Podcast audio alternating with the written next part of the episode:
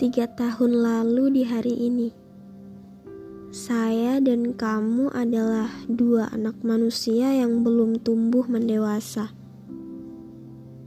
Tiga tahun lalu, aku meminta waktu untuk bertemu, berdua saja, untuk pertama kalinya. Aku menyampaikan hal-hal yang seharusnya membuat kedekatan kita merenggang tapi justru sebaliknya. Kita semakin dekat, bahkan sampai berani membangun komitmen. Aku masih ingat bagaimana hancurnya hati kita dulu. Ya, harusnya saat itu aku membiarkan kita hancur saja. Tidak perlu melanjutkan hubungan yang pada akhirnya kandas juga. Tapi sayangnya, aku terlalu menikmati perasaanku, seperti efek kupu-kupu berterbangan di dalam perut tiap kali kita saling chat. Nungguin chat kamu yang kalau baru lima menit saja belum dibalas, sudah buat aku mencari-cari. Padahal kamu lebih sering balas chatku cepat. Sebenarnya mau chat atau telepon dua-duanya menyenangkan selama yang melakukan itu kamu. Karena kamu selalu punya pembahasan berbobot yang menarik perhatianku. Bukan pembahasan basa-basi yang cuma sekedar nanyain, lagi apa? Sudah makan belum? Oh, that's so boring. Heran aja kalau zaman sekarang masih ada cowok yang pakai basa-basi kuno semacam itu. Kalau sama kamu, ngomong ribuan purnama pun rasanya nggak akan cukup. Ingat tidak? Kita pernah nelpon berjam-jam sampai masuk waktu subuh. Terus pernah juga video call sampai 4 jam.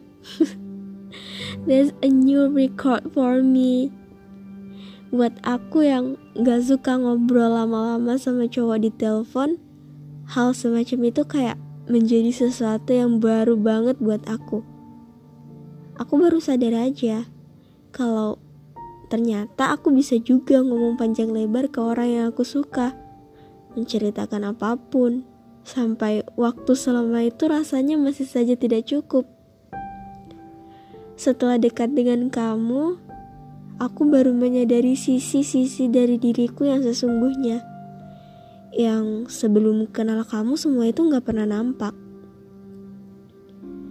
Aku gak pernah bosan dengan apa pun yang menyangkut tentang kamu. Sampai hobimu yang suka tidur. Yang membuat aku harus menghubungi kamu tiap pagi dan jadi alarm pengganti.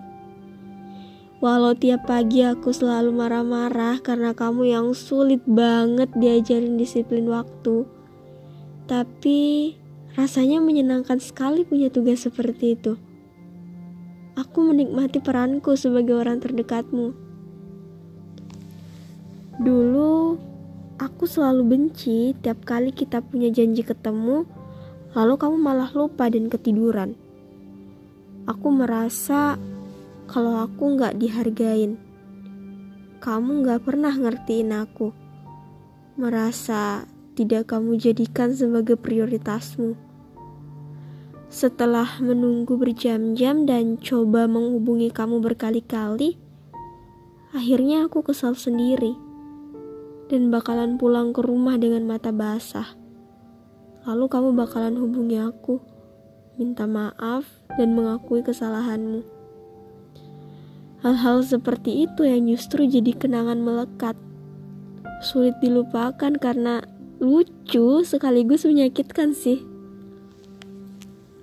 Tapi di lain kesempatan juga kita sering curi-curi waktu buat ketemu beneran.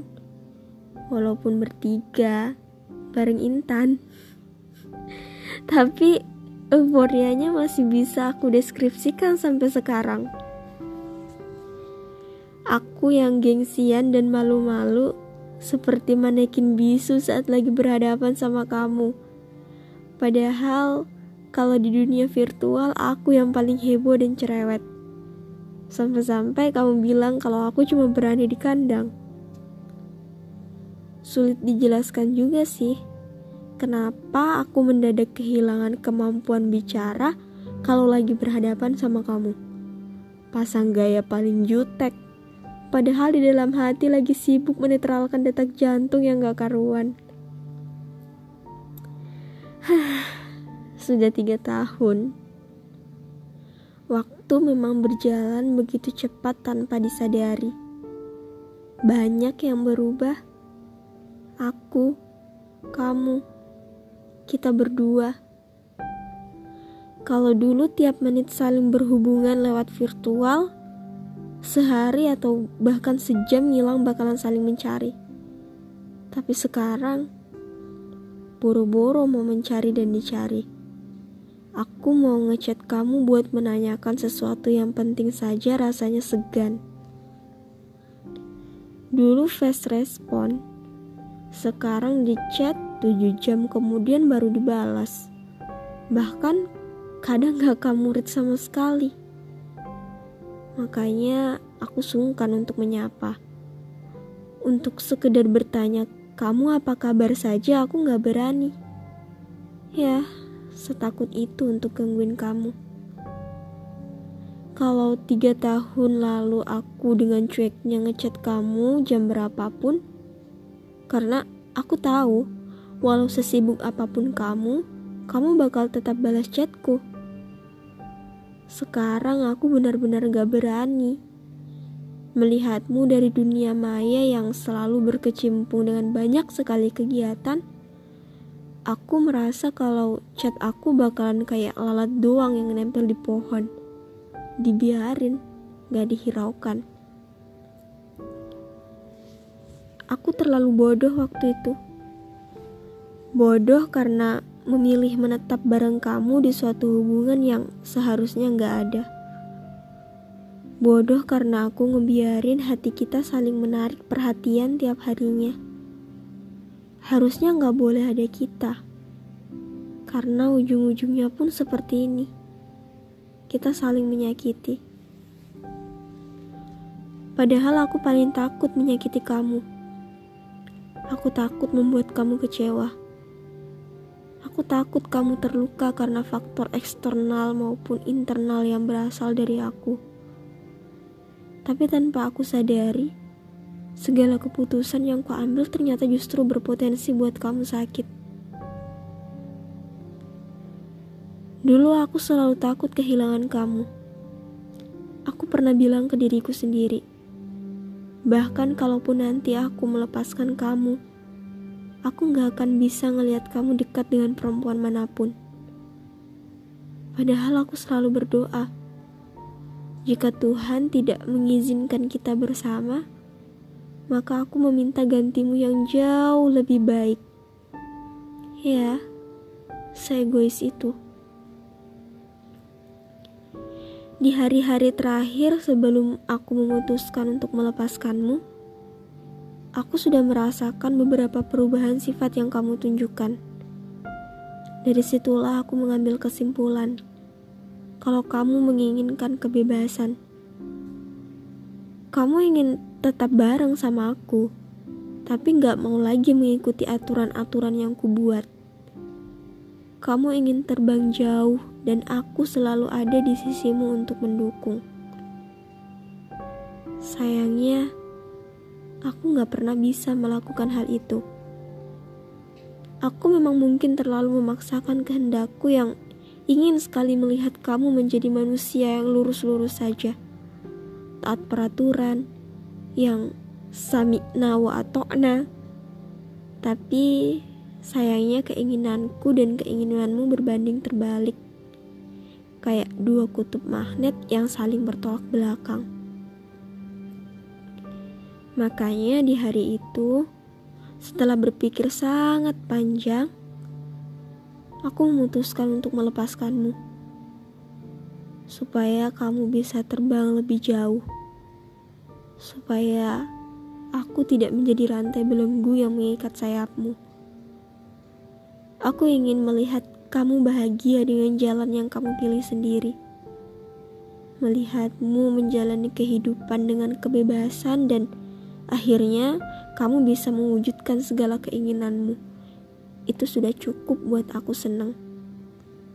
Walaupun aku gak lagi bisa ngobrol sama kamu, gak bisa chat, teleponan, atau sekedar nanyain gimana harimu. Dulu waktu sama kamu, aku merasa aku sudah bertemu dengan orang yang tepat. Tapi semesta mandangnya nggak gitu. Kita dikasih ketemu cuma buat saling belajar. Kalau ada hal-hal yang ketika terlalu dipaksakan jatuhnya malah menyakitkan. Dan ngajarin kita juga sih, kalau kita nggak bisa nulis takdir kita sendiri. Tiga tahun lalu di hari ini, kisah kita dimulai. Jatuh, bangun, sakit, sedih, bahagia, kecewa, nangis. Semuanya sudah pernah dilalui. Tiap mau menyerah, aku sama kamu saling menguatkan. Lalu sampailah kita di hari aku dengan tegas mengatakan, kita nggak bisa, nggak akan bisa, kita nggak mungkin. Di mana saat aku mengatakan itu rasanya aku seperti dihantam ribuan belati yang menusuk-nusuk hatiku. Sakit. Aku tahu kamu juga sakit saat itu.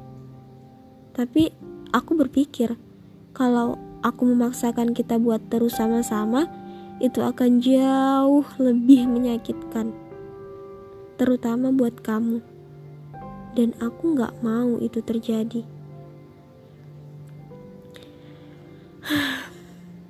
Sekarang aku udah gak apa-apa dan mulai bisa menerima kalau aku gak bisa milikin kamu.